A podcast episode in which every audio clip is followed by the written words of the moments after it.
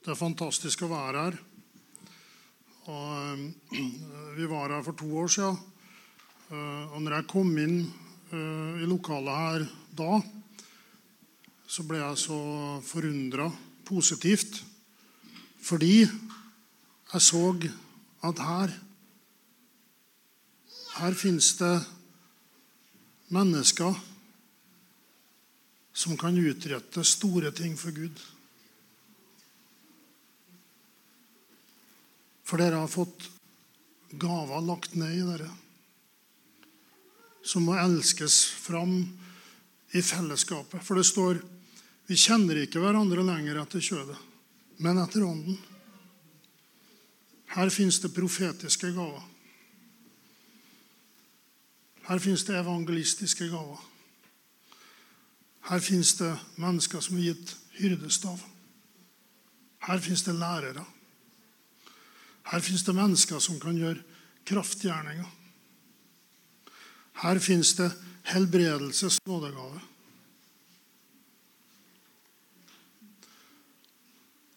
Men det er ikke sikkert det er forløst i alle.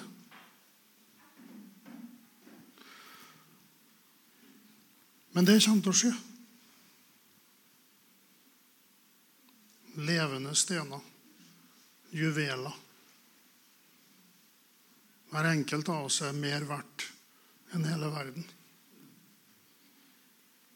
Og vi skal kappes om å hedre hverandre. Og den som er svak, han skal rope ut 'Jeg er sterk. Jeg er sterk i Herren'. Det kom en til et stridsfelt en gang. Han var den eneste der som var salva av Gud. Når han ble salva, så var det ingen som egentlig tenkte på ham. De gadd ikke å hente ham engang. Han var minst av åtte brødre. Når han kommer til stridsfeltet, der hele hans nasjons hær står oppstilt, og han spør hva som foregår, så sier brødrene oss, 'Hvorfor kommer du hit?' 'Kom deg hjem til sauene dine.' Du har ikke peiling. Du er et null. Du er ikke verdt noen ting. Men han gir seg ikke pga. den salvelsen som hviler over ham, og den djervheten som hviler over ham. Ikke fordi han er noe spesielt, men han har en stor Gud. Jeg tenkte egentlig ikke jeg skulle si det, men jeg skal si det likevel. Jeg kjenner bare det. Så sier han Alle skjønner at jeg snakker om David. Hva er det den filisteren sier? Han håner Guds fylkning. Og Vi kjenner historien. Det ender jo med at han får utdelt Sauls rustning. For det må jo være noen som tror på han. Men han kler av seg igjen. Tar på seg klærne han er vant til. Går ned i bekken og henter fem glatte steiner. Så går han imot Goliat. Og når Goliat kommer imot ham, så springer han imot Goliat. Men Carl Gustav Saurin sa han gjorde et dypt inntrykk på Goliat. Han fikk en stein dypt i panna som gikk i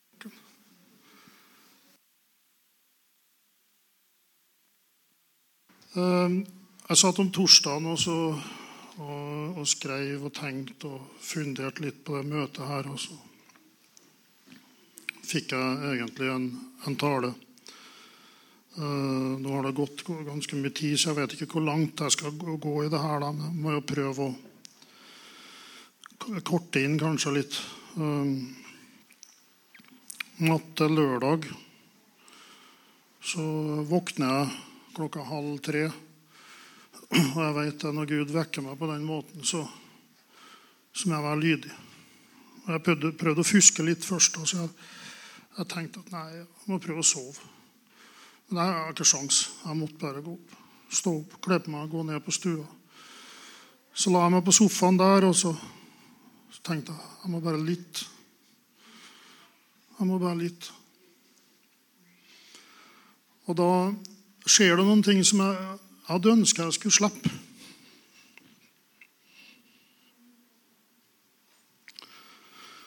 For jeg, jeg ønsker absolutt bare å, å, oppmuntre i alle ting. Men Gud tar det veldig alvorlig til meg om at vi, vi lever i For det første så Det er to ting som vi mennesker ikke vet. Når dør jeg? Jeg vet ikke. Og det andre når kommer Jesus igjen? Det er mange som har ideer om det. Det med folk som har gitt meg årstall og sånn, men det er bare tull. Det er bare rør. For det står at det er kun Faderen som vet tiden og stunden. Så minner, minne Gud meg sterkt på en profeti som pappa fikk i 1954. Og den er jo kjent i hele Skandinavia. Og, og egentlig så jeg er ikke så glad i å dele sånne tøffe profetier. Men uh, Gud sier at du, altså Det er ordrett, det ordet som kom til meg. Så jeg skriver bare, jeg fant en konvolutt fra et brev fra Asialink som jeg bare tok. Så skrev jeg det. Så skriver jeg bare på natta klokka halv tre da, natt til lørdag. Hørte ordene i min ånd. Si det til dem det haster. Jeg kommer snart.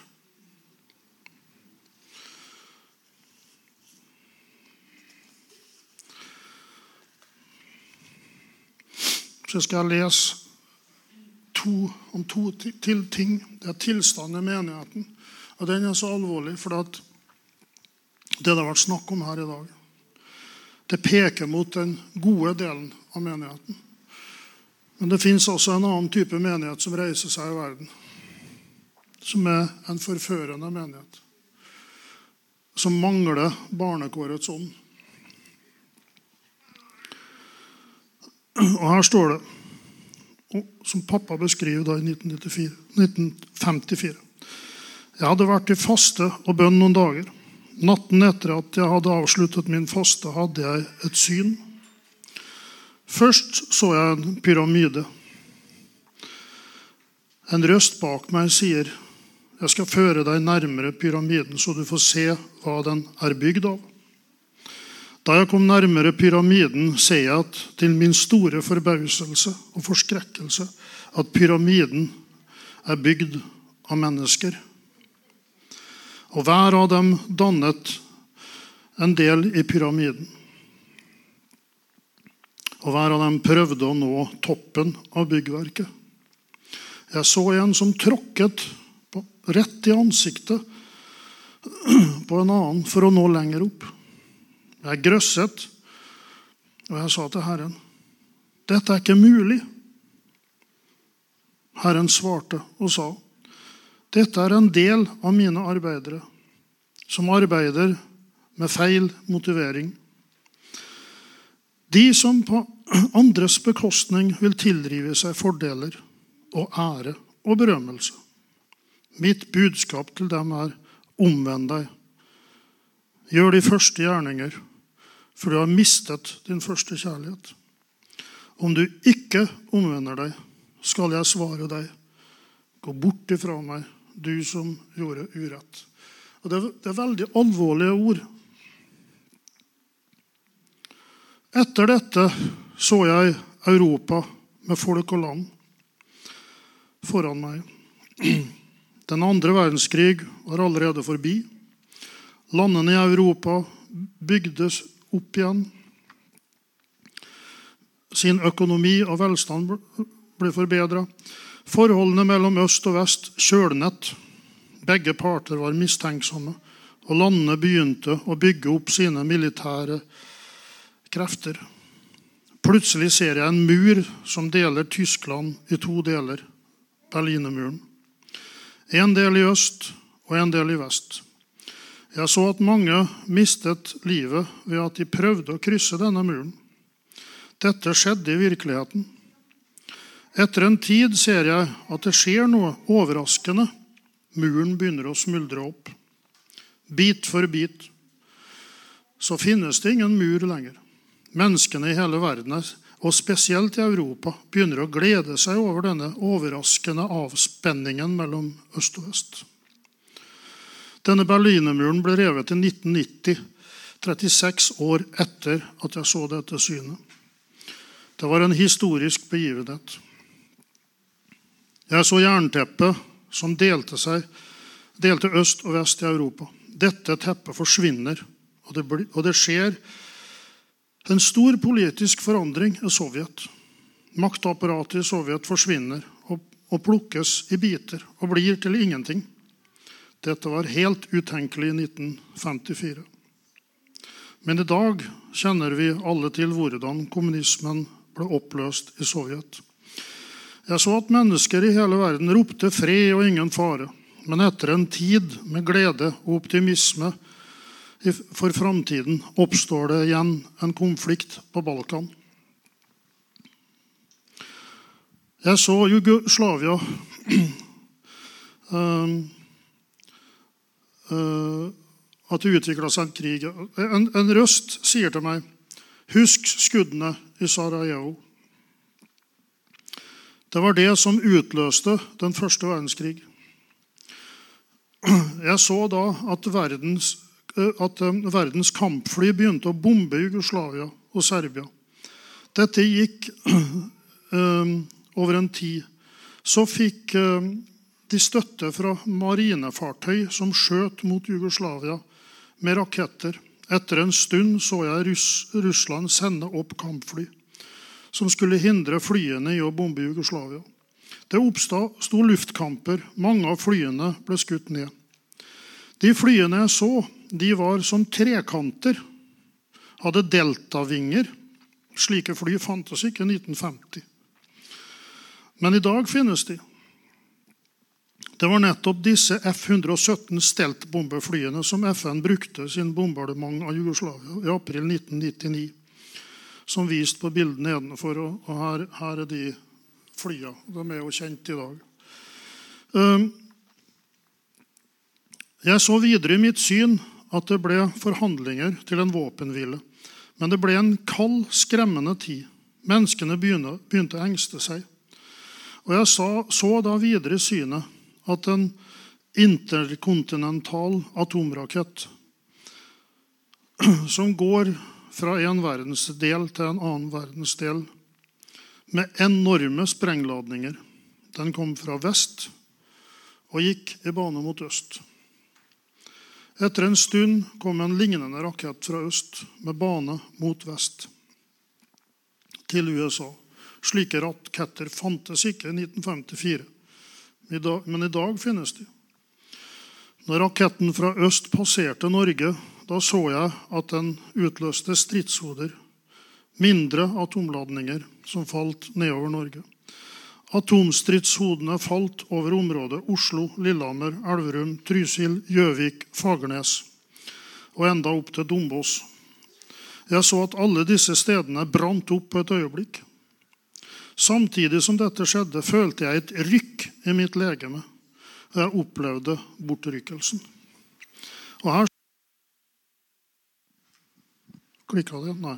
Fra redaksjonen av dem som har skrevet det her, at det var spekulasjoner på når det her kom til å skje.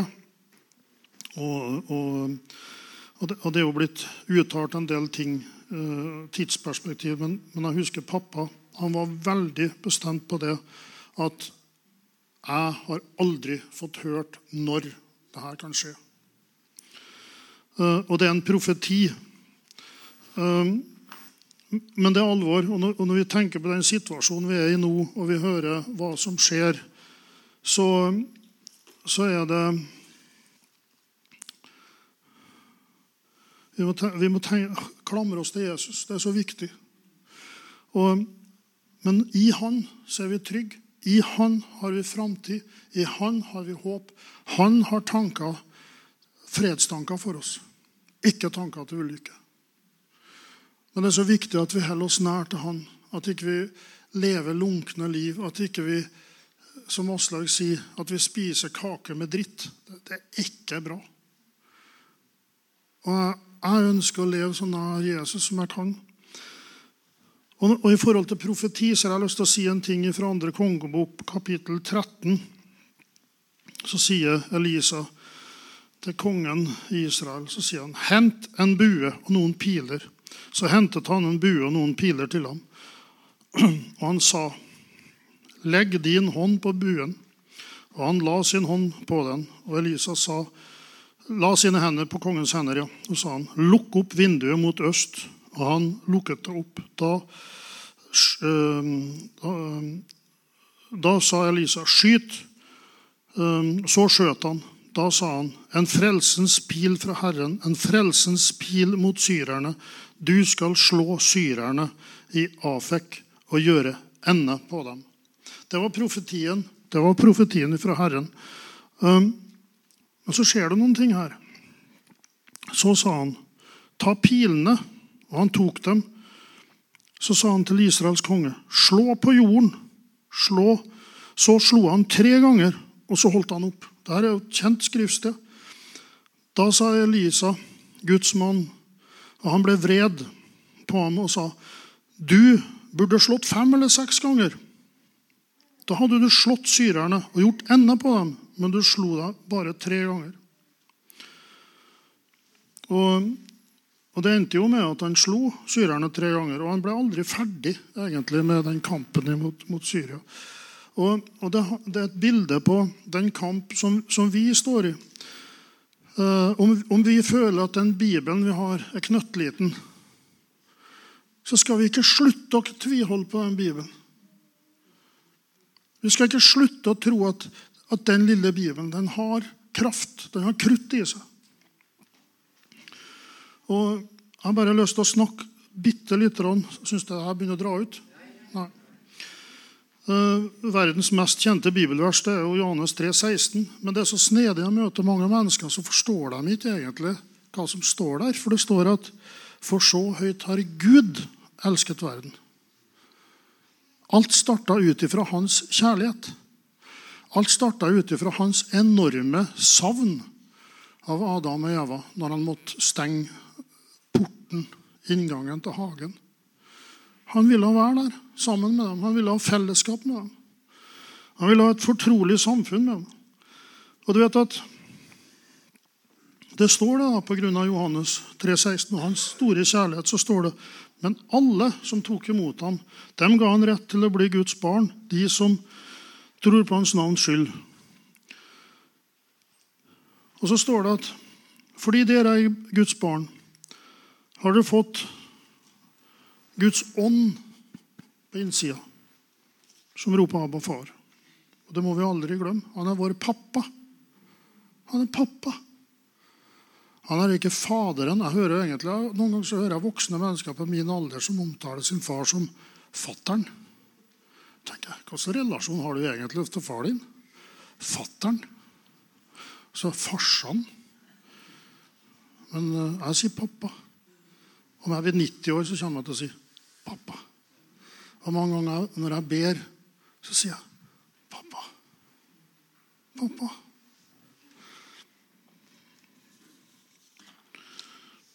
Skal vi se Jeg tror jeg, jeg må bare korte inn det her. da.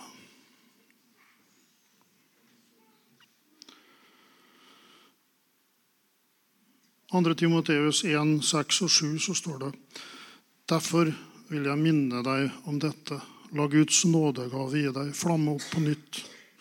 Den du fikk da jeg la hendene på deg. For Gud ga oss ikke en ånd som gjør motløs. Vi fikk, nei, vi fikk ånden som gir kraft. Da vil stoppe der. Så vil jeg snakke litt om kraft.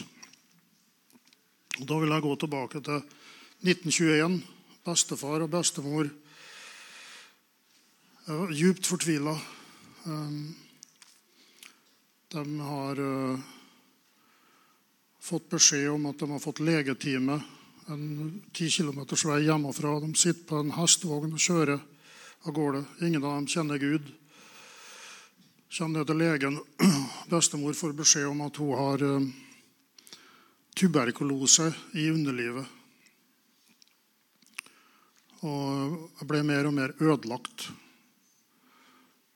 Og bestefar han skriver det uh, at uh, de sitter og gråter på, på vogna hjem igjen.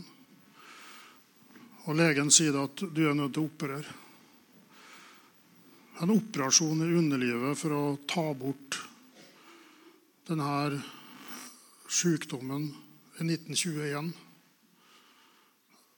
Det, det går ikke an å forestille seg. Så de gråter. Men Den hellige ånd faller på bygda der han bor, etter noen dager. Bestefar han er i skogen. Han kommer i syndenød fordi at Den hellige ånd åpenbarer om synd, rettferdighet og dom. Det vet vi. Og når Den hellige ånd kommer, og vi ikke har vår sak i orden med Gud, så føler vi oss uverdig, urein. Og han opplevde det i skogen.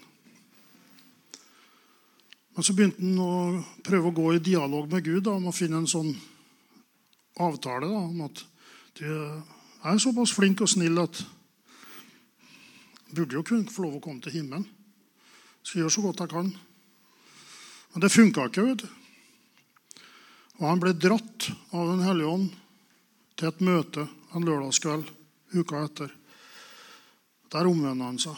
Så får han med seg en gjeng hjem og ber for bestemor, for hun hadde så store smerter at hun klarte ikke å, klarte ikke å komme på møte. og Hun tar imot Jesus. Og, og så har de en skolebibel. De har ikke Internett. De har ikke YouTube. De har ikke 1753 prekener fra store vekkelsespredikanter og helbredelsessammenhenger. Men de har en skolebibel. Ved Den hellige ånds ledelse så begynner de å proklamere løftene over bestemors mage og underliv. Og Når hun får store smerter og anfall, så proklamerer de ordet og takker Jesus for at du formår. Du formår. Du har ikke tanker til ulykke for oss. Ved dine sår har vi fått legedom. Og det går et år. Bestemor blir verre og verre. De får mer og mer tro. De blir fylt med mer og mer kraft. En dag så så er bestemor så sjuk at hun, hun tror ikke hun lever lenger. Hun stavrer seg ut. Hun skammer seg sikkert. Så går hun bak stabburet. Og så roper hun ut 'Jesus!' Så blir hun momentant helbreda. Og hun ble gravid fort etter det her. Som ektepar så har de sikkert ikke vært sammen på, på år. Og hun blir gravid. Bygdafolket de går og gjør narr av henne og sier at både du og ungen kommer til å havne i grava. Et års tid etterpå så fører min onkel Magnar Litt over et år etter det så blir mamma født. Nei, Ida, tanta mi, født. Og En stund etterpå så blir mora mi født. Så blir min yngste onkel født. Og hun lever til hun er 86 år. De stolte på løftene. De slo med pilene. De slutta ikke å slå med pilene. Når omstendighetene sa 'slå bare tre ganger', du, så slo de 100 ganger. Og når de har slått 100 ganger, så slo de 100 ganger til. Den retten har vi. Det må vi aldri glemme.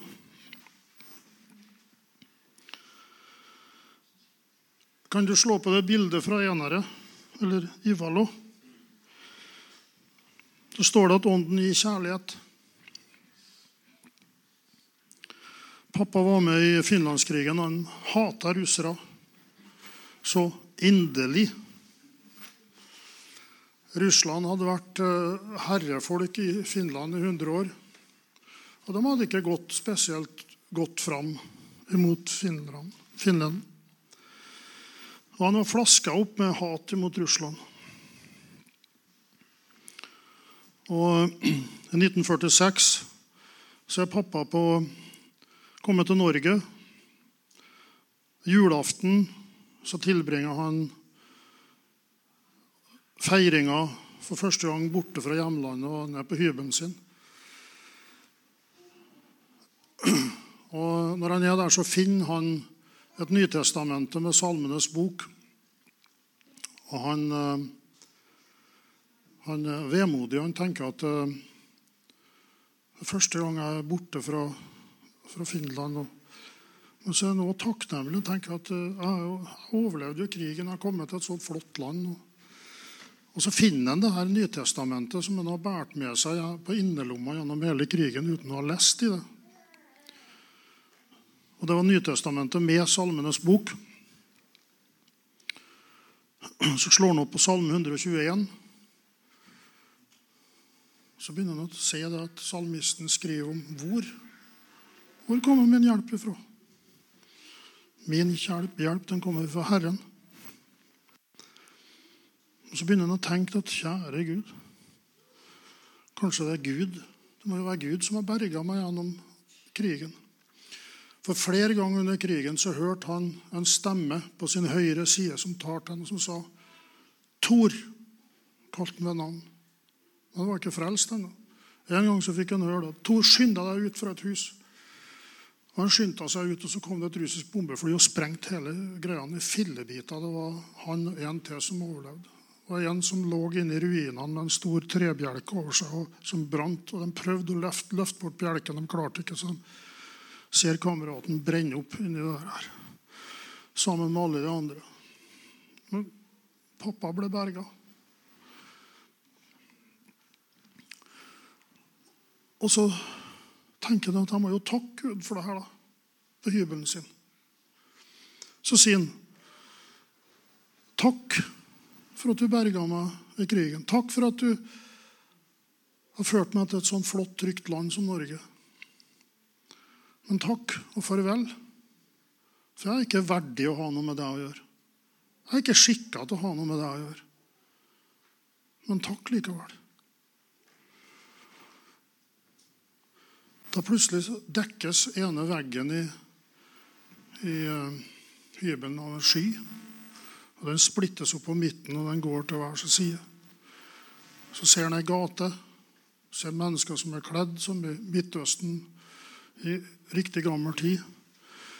Han ser en halvdel av folket cirka, som er smekkfulle av hat. Og en annen del som syns inderlig synd på en skikkelse som strever seg fram midt imellom dem. Og han bærer et kors. Han var ille tilredd. Han var helt ødelagt. Det gikk ikke an å se at dette var et menneske, egentlig. Det står at han har et utseende som ingen kunne ha behag i. Men pappa forsto ikke hvem det var. Forsto ikke. Så skjulte her, sier han. Så åpner det, og så kommer skya på neste vegg og deler seg. Og så ser han plutselig at denne skikkelsen henger på et kors. Da går det opp for ham. Det er jo Jesus. Så ser han at han retter blikket sitt ned mot en pappa, og så sier han det at også for deg gjorde jeg det her, Tor. Da tok han imot Jesus. Så den evangelisten som evangeliserte for pappa, så han ble frelst, det var Jesus sjøl. Ved Den hellige ånd. Ved hans kjærlighet. Jeg vil si litt mer om kjærligheten vi får ved at vi opptenner ilden, som Paulus sier til Timoteus. Du vet, Elia satt under jubelbusken pga. Jesabels ånd. Fyltes med frykt og ble redd. Og kun salvelsen som kunne bryte.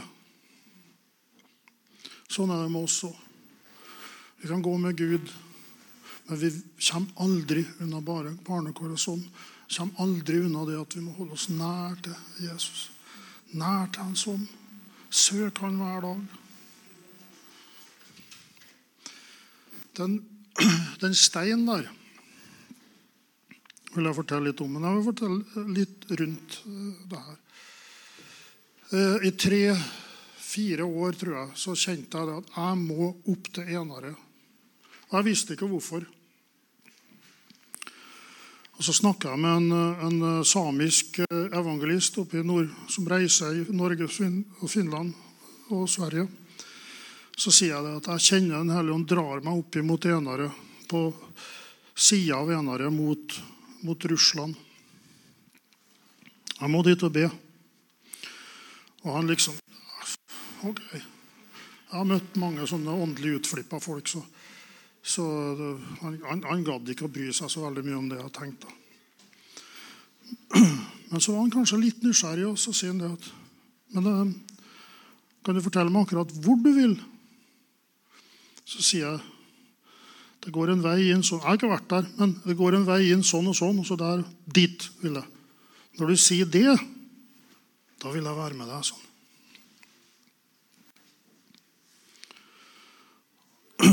Og så kommer jo koronatida. Kommer jo ikke dit. Det er jo stengt. Og jeg prøver én gang. Da kommer jeg ikke lenger til Narvik. Og så når jeg kommer til Narvik, så ser jeg det at det er jo masse sånn prideflagg overalt. Så hadde jeg med meg en liter med mat... Nei, jeg hadde ikke det. Castrol GTX motorolje hadde jeg med meg.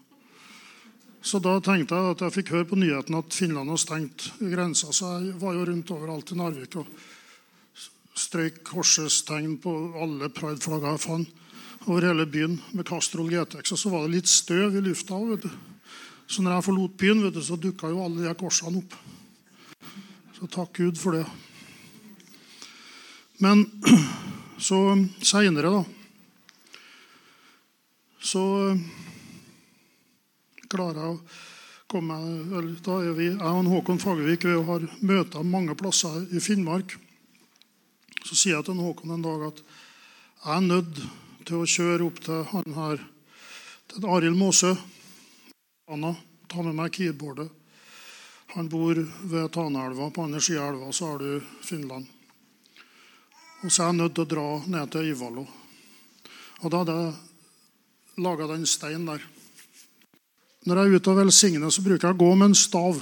Og på den staven så står det det, derif, nei, Dere har fått barnekåret sånn, som roper Abba far. For det er så viktig for meg å forstå at jeg er et barn, men jeg kan være sterk i Gud. Og så jeg, um, laga den steinen der som en proklamasjon om hvem som er herre. Og Så kjører jeg opp til, til Arild, og så sitter vi og sitter vi oppe i loftstua til han og, og spiller og synger og lovsynger Herren. Og så forteller han meg en historie. Så sier han det. Are, akkurat det stedet som du opplevde Den hellige ånd plotta inn i bevisstheten din at du skulle, det heter Blodsåsen. Der sto en av de verste slaga i den andre verdenskrig på finsk territorium. 800 ble drept på ett døgn. Mange ble skadd. Og det som har skjedd der, sånn, det er at mange sjamaner har bygd opp alter der de ofrer for å kaste forbannelse. Det kommer russiske sjamaner inn. Og det er mennesker som er sekundært traumatisert av fedre som var med i denne lidelsen. Og de kaster forbannelse på Finland. Ofre dyr, besvergelser, kasteforbannelser. Finske sjamaner gjør det samme mot Russland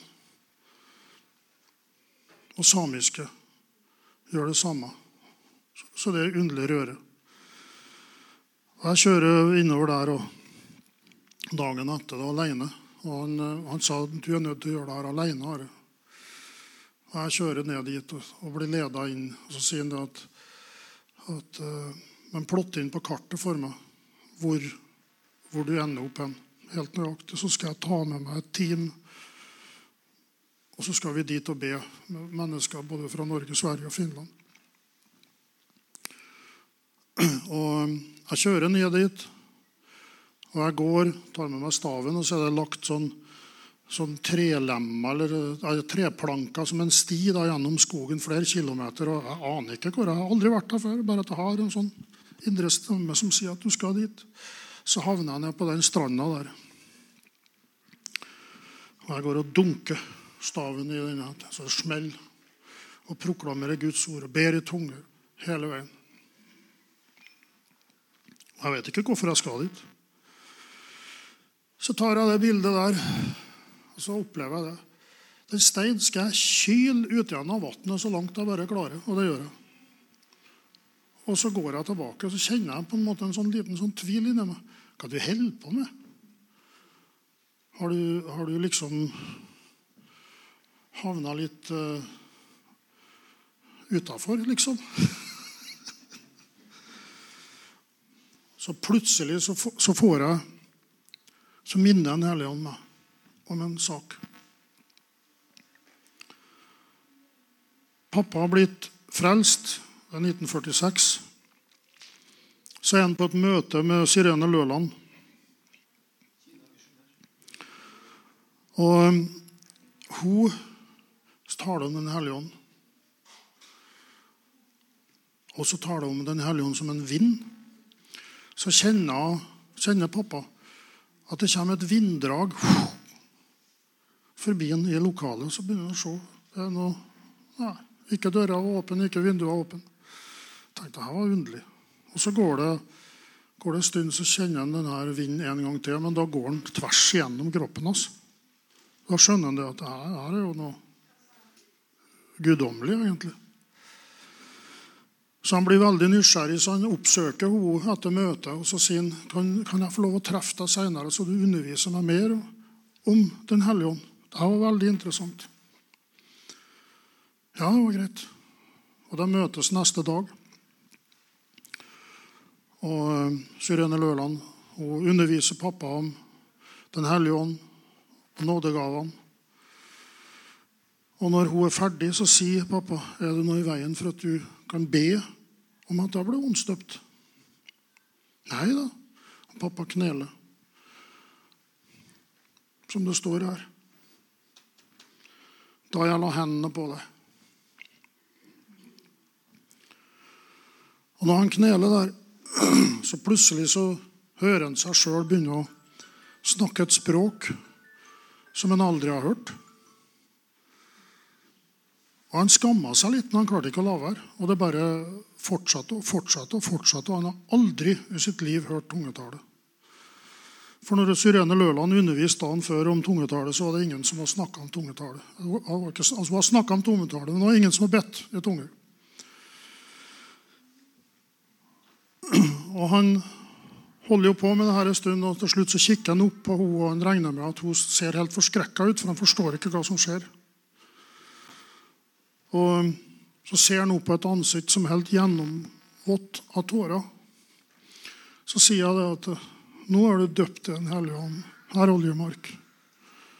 Og du har fått nådegaven til å tale i tunger. For du har prist Gud for hans store undergjerninger på flytende kinesisk. For jeg har levd i det landet 20 år som misjonær, og jeg kjenner det språket.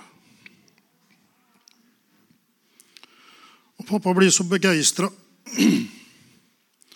så han tar kontakt med metodistpastoren, som ikke er fullt så åpen for nådegave av tungetale den gangen.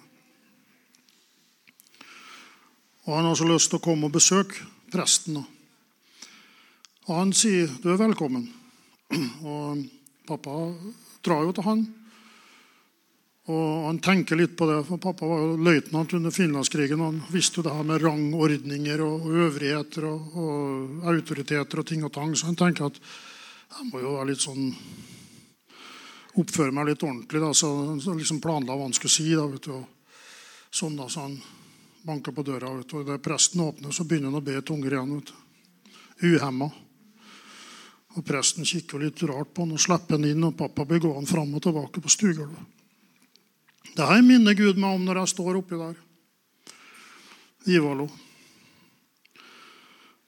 Og så Pappa kunne litt russisk.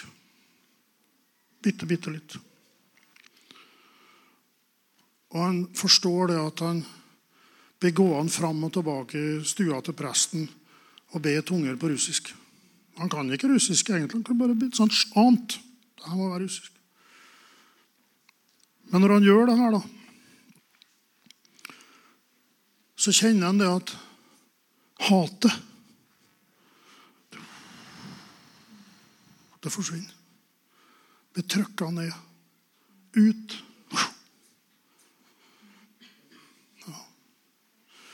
Så sier Den hellige ånd, du bærer på en arvvare. Be det her over de offerstedene. Be om at Herrens ånd skal komme over alle de folka. Og så gjorde jeg det.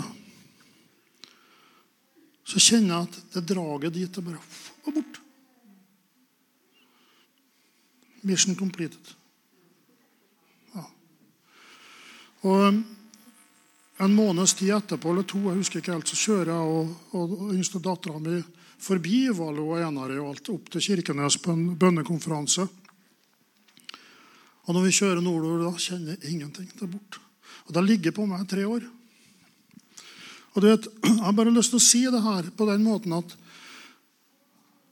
når, når, når vi kjenner bare et sånn lite drag Det her bør du gjøre. Så kommer neste tanke og sier at det, Hva er vitsen med det? Da skal du si 'Ti stille!' Jeg skal gjøre det. Og så skal vi være såpass ydmyke at om det vi gjør, blir tolka som feil, så, så skal vi våge å si 'tilgi meg'. Jeg trodde det var Herren. Derfor gjorde jeg det. Så jeg har lyst til å bare nevne litt til slutt. Visdom. Holder jeg på for lenge? Går det bra? Ja.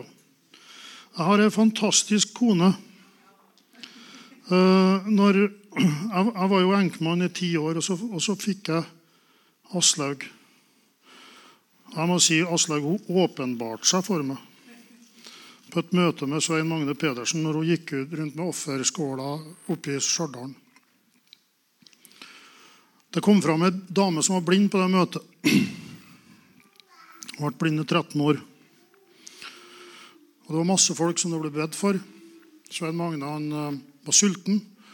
Så rett etter at hun kom fram, så spør han kan dere gi meg en pølse og en cola, dere som har uh, kantina bak her. Og hun, uh, dama hun ble litt sånn Skal du be for meg, da? Jo, jo, jo, bare stå her, ikke gå.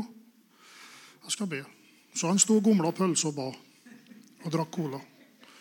Så han hadde ei hånd på øynene hennes. Så etter ei pølse og en halv cola så sier han, 'Kan du se nå?' Da er du ikke mye religiøs. Så åpna jeg. 'Jeg ser lys.' 'Kan dere sende meg ei pølse til?' Han, han Svein Magne han holder hendene på henne og gomler pølse. vet du, og holder nå på. Og når den pølsa er fortært, kan du se noe. Nå kan jeg se! Og det er sant. Ja. Gud er god. Aslaug er helt fantastisk. Og når jeg gifta meg med Aslaug, så fikk jeg ordet om den forstandige hustru. Hun er virkelig den forstandige hustru. Hadde lekkasje på en dieselpumpe på en traktor her. Så sier jeg jeg må overholde den dieselpumpa. Så ringer jeg til søskenbarnet hennes som jobber på Manverkstedet i Trondheim. og har jobba der i 40 år, kanskje.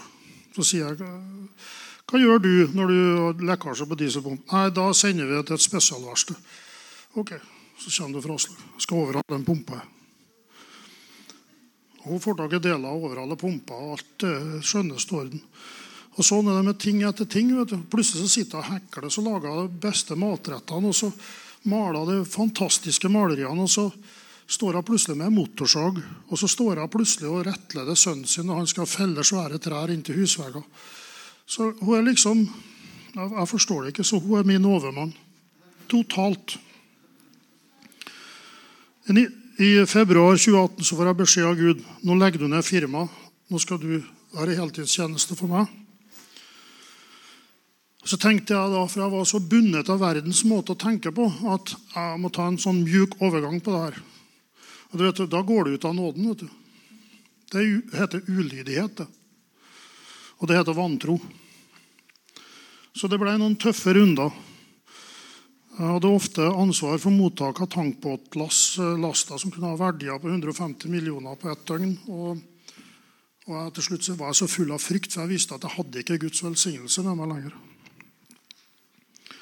Men jeg til slutt begynner jeg å avvikle firmaet. Og, og, så har jeg en del anleggsmaskiner som jeg ble kvitt meg med. Og til slutt så har jeg en ei maskin som har, har noe krøll med oljetrykk og ting og tang som jeg ikke forstår. Jeg får feil opplysninger, og firma som, som, har levert uh, maskiner, har gått konkurs. Og det er litt komplisert. Og jeg prøver å reparere den sammen med Aslaug i tre uker.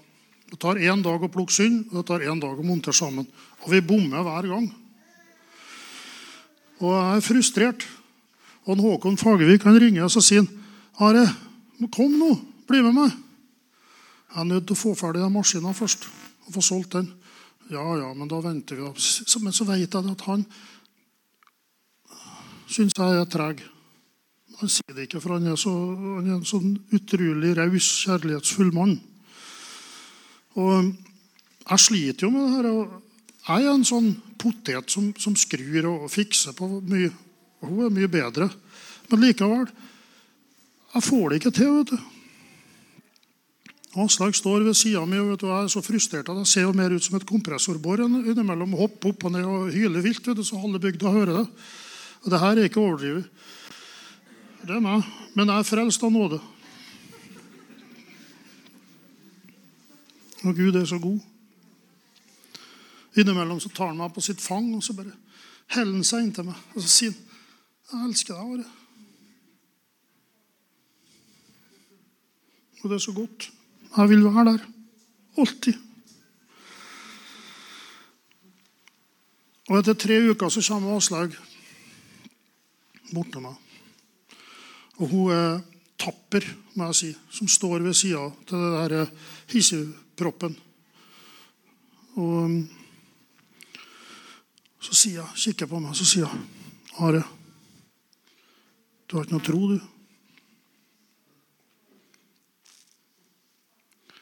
Det forteller jo litt om at hun er tøff. da. Når jeg står der og, og prakker seg helt, eh, helt Blodtrykket sikkert eh, ja, Adrenalinnivået er veldig høyt. Så kommer hun og kikker meg i øynene. 'Are, du har ikke noe tro, du?' Jeg kan ikke si noe annet enn 'Nei, jeg har ikke det'. Så sier hun 'Da kan du ikke forvente at du får til noe her'. Så sier jeg nei, jeg kan ikke. Så tenker jeg jeg må bare gå inn og sette meg til Bibelen. Spør Gud hva gjør jeg nå. Så jeg slipper alt i hendene, vasker meg på hendene, går inn, tar jeg Bibelen, trykker han, fingeren inn i Bibelen og bare blar opp. Jakobs brev 1, 2. Tre uker frustrasjon. Beskjed av kona mi at jeg har ikke tro. Jeg har erkjent jeg har ikke tro. Mine brødre, akt det bare som en glede når dere kommer i alle slags prøvelser. Så sier jeg til Gud, pappa, du har humor.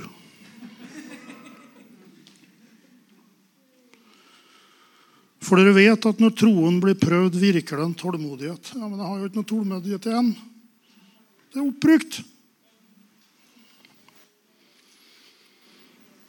Men tålmodigheten må føre til fullkommen gjerning. Jeg har på streva her nå i tre uker og ikke fått til noen ting. Så dere kan være fullkomne og hele. Jeg er ikke hel. Jeg har mislyktes og ikke kommer til kort i noe. Jeg kommer jo til kort hele veien. Far i himmelen, hva skal jeg gjøre? Men han må be i tro. Ja, men jeg har jo ikke noe tro. Uten å tvile. Ja, men jeg er jo full av tvil.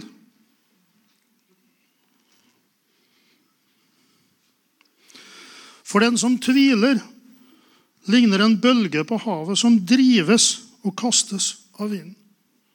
Akkurat. Det er meg. Og så sitter jeg der og kjenner på denne følelsen.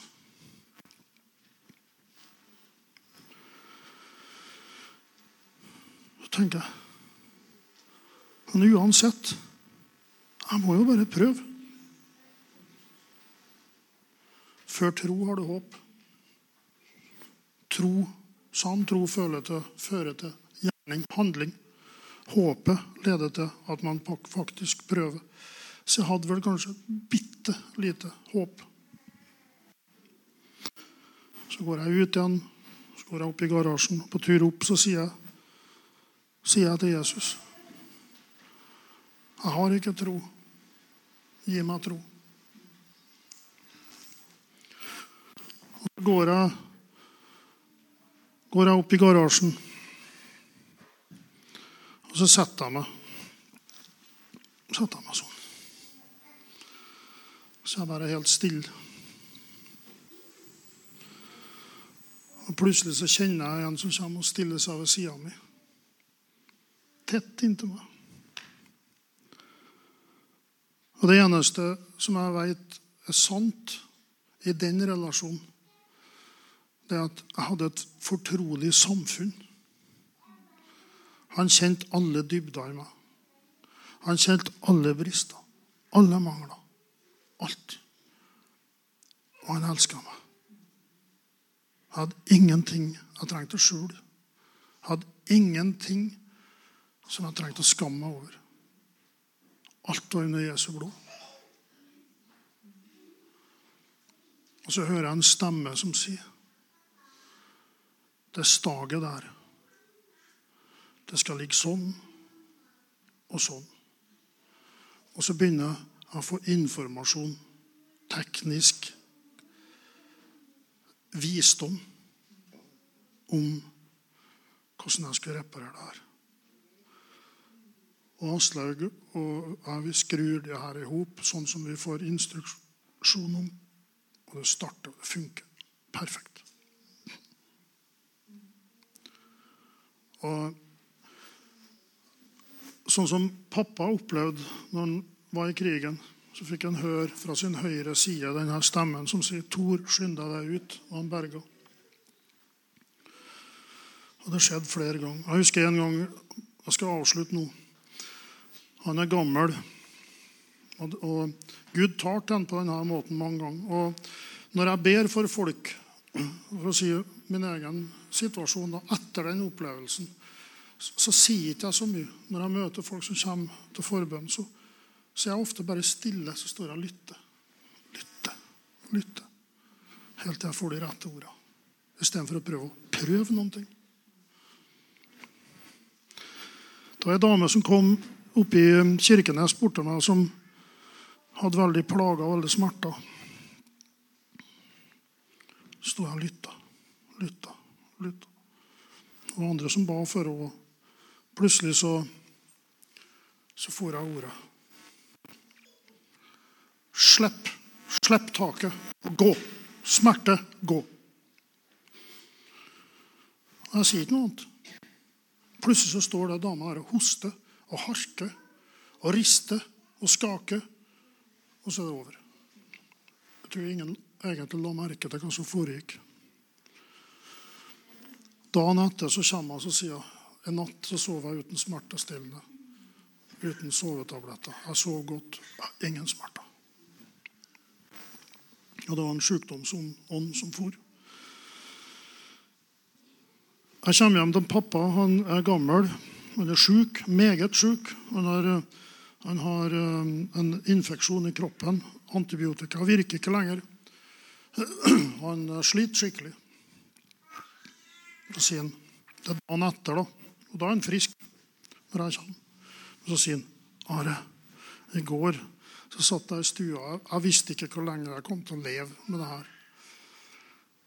For bakteriene var sånn resistent, eller hva det heter. Og plutselig så hører jeg en stemme. Den stemmen som jeg har hørt så mange ganger i krigen. Den stemmen som har ført meg, fulgt meg så mange ganger. Han sier også det her skal jeg ta meg av min sønn. Det var ikke Tor, men det var sønn. Og vi har sønnekåret sånn. Jeg har lyst til å si det at hvis det er noen her som sliter med frykt For det har jeg kjent på når jeg kom. Halvveis over fjorden, når vi tok uh, ferga, plutselig så slår det frykt imot meg. Og det er ikke jeg som har frykt, men det er noen som har frykt. For den tida vi lever i, så, så er det lett å havne i frykt. Man kan være salva som Elias, men man blir hemma av frykt. Sånn at den store Bibelen man egentlig har, den prøver man å skjule i hånda si. Men det er ikke tid for det. Tida er for å proklamere Jesu navn. Fordi verden roper etter frelse. Så hvis, hvis noen ønsker forbønn og kanskje spesielt jeg føler det med frykt, så kan vi ikke bare be for hverandre. Amen. Ja, da kan du ta pianoet. Ja. ja. Hvor mange har du? Noen eksempler? Han er fem.